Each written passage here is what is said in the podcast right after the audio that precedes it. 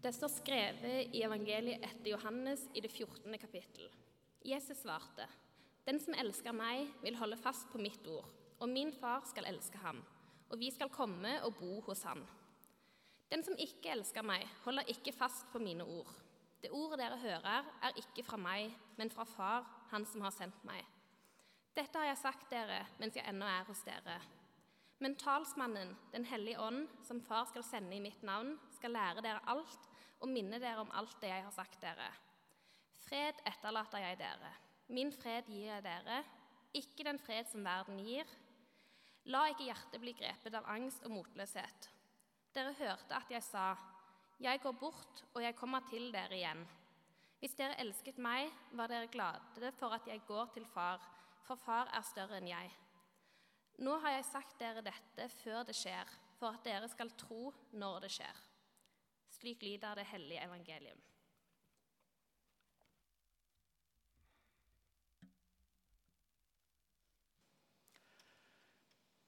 Lukk øynene dine, og så trekker du pusten dypt, og så slipper du den ut igjen. Trekk pusten inn,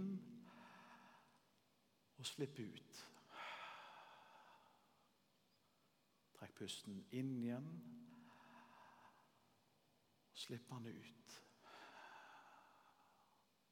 Så bare puster du litt til. Trekk inn og slipp ut. Så kan du vende tilbake igjen til rommet. Hele himmelens hær ble skapt ved pust fra hans munn.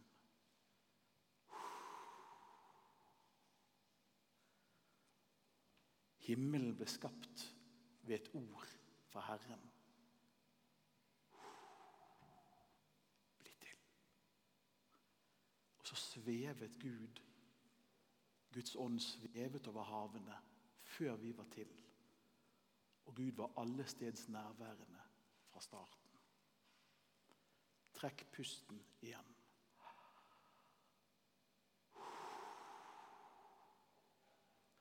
Dette er starten på skapelsesberetningen for mennesket. Pust. Når Gud skaper det første mennesket, Adam, som betyr menneske, hva er det første Gud gjør etter at han er formet? Jo, han blåser liv.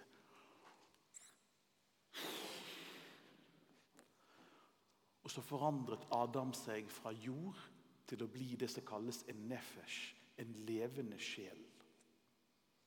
Han var pustet liv i fra Gud selv. Den hellige ånd hadde gitt ham liv.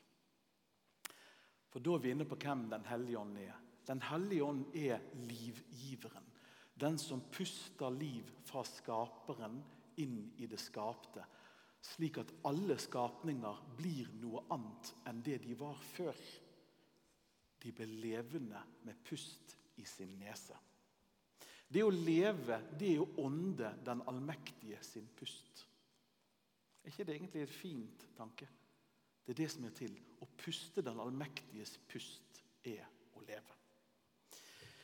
Jobb har kanskje noen hørt av fra Gammeltestamentet. Han sier det er Guds ånd som har skapt meg. Den allmektiges ånd holder meg i live.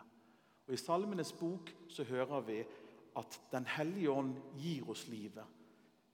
Men tar man pusten tilbake igjen, så dør mennesket.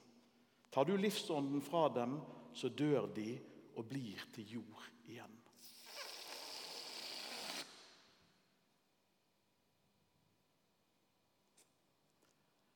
Dette er også vår skjebne en dag. Vi puster ut en gang for siste gang. Men det slutter ikke der. Vi legger ballongen pent ned. Dere ser jeg har latt den fly før. Bildet av Den hellige ånd som pust eller som vind det viser på ene siden at Gud er like myk som vårbrisen mot ansiktet ditt. Kanskje du kjente den på vei hit i dag. Og I neste øyeblikk er Gud kraftig som den største storm som ingen kraft kan stå seg imot. Gud er uimotståelig også. Når vi var barn, når du var barn, når jeg var barn, hendte det at du gikk på fjeset eller slo deg. Og så gjorde det kjempevondt, og så gikk jeg til en voksen, og hva gjorde du?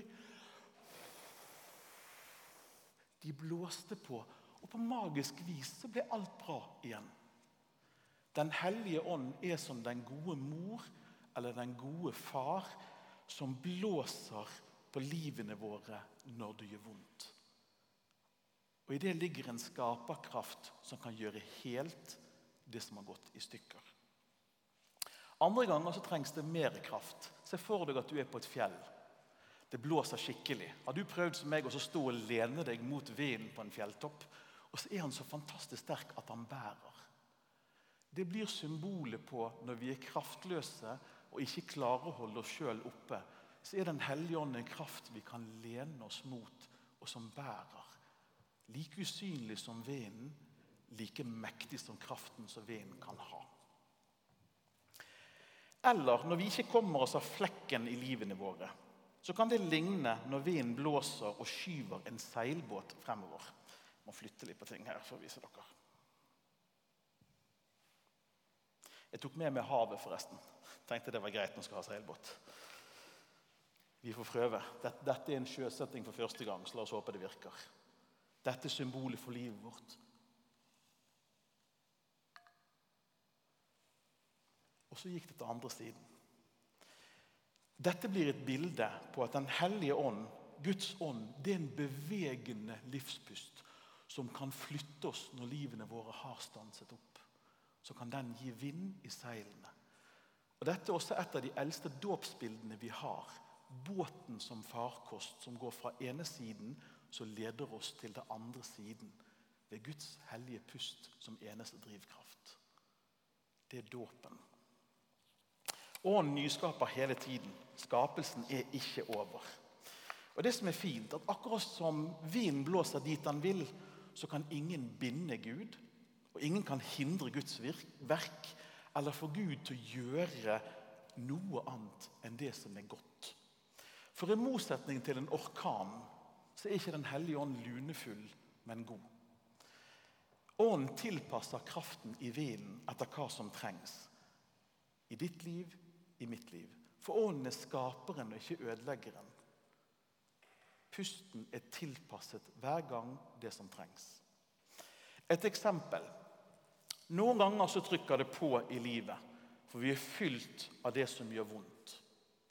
Vi har sagt og gjort eller tenkt det som er galt i Guds øyne, eller vil latt være å gjøre det som er rett i Guds øyne. Da er vi i kontakt med den synden som kan ødelegge oss. Og I det øyeblikket så kan det være samvittigheten trår inn. Og Jeg tror det er fordi Den hellige ånd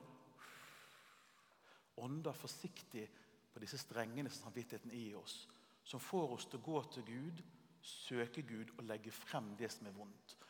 Og Hvorfor er det viktig? Jo, vi er tilbake til ballongen. Når trykket øker, og øker og øker.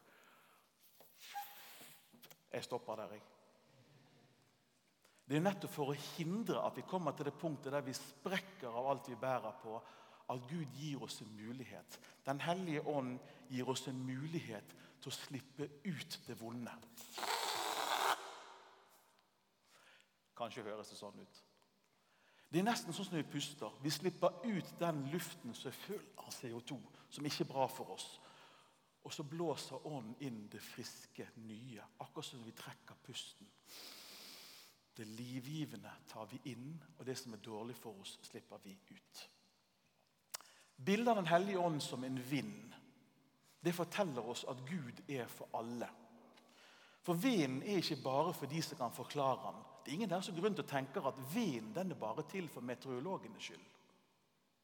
Tenker dere det? Jeg håper ikke det. For Gud er ikke bare for de som mener å ha forstått alt, eller for prester og teologer eller andre forstår seg på det. Gud er for alle, også for den som ikke forstår eller kan forstå.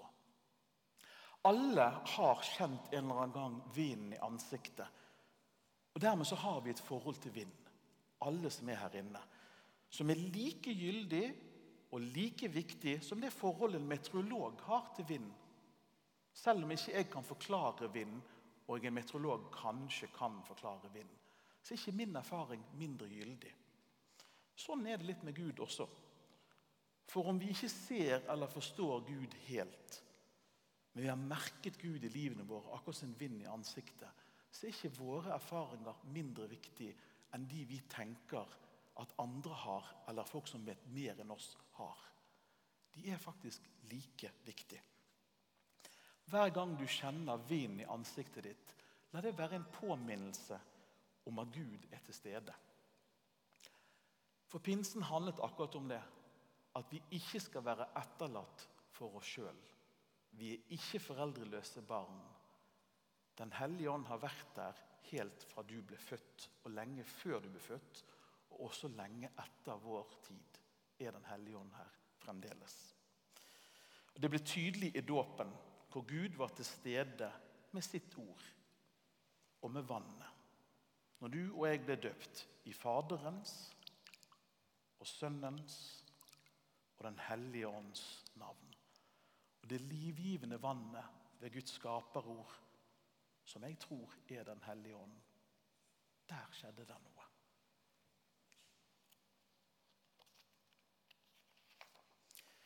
For I dåpen fikk vi samme løfte som disiplene fikk. Den hellige ånd er til stede for alle som hører Gud til. Og Den gaven jeg snakket om, ble gitt til Kirken ja, Kirken er jo oss. Den gaven ble gitt til deg, han ble gitt til meg. Og Det er en litt spesiell gave, for det er en gave som flytter inn. Den hellige ånd er en sånn gave som tar bolig i oss. Og så tror jeg tar bolig i hjertet.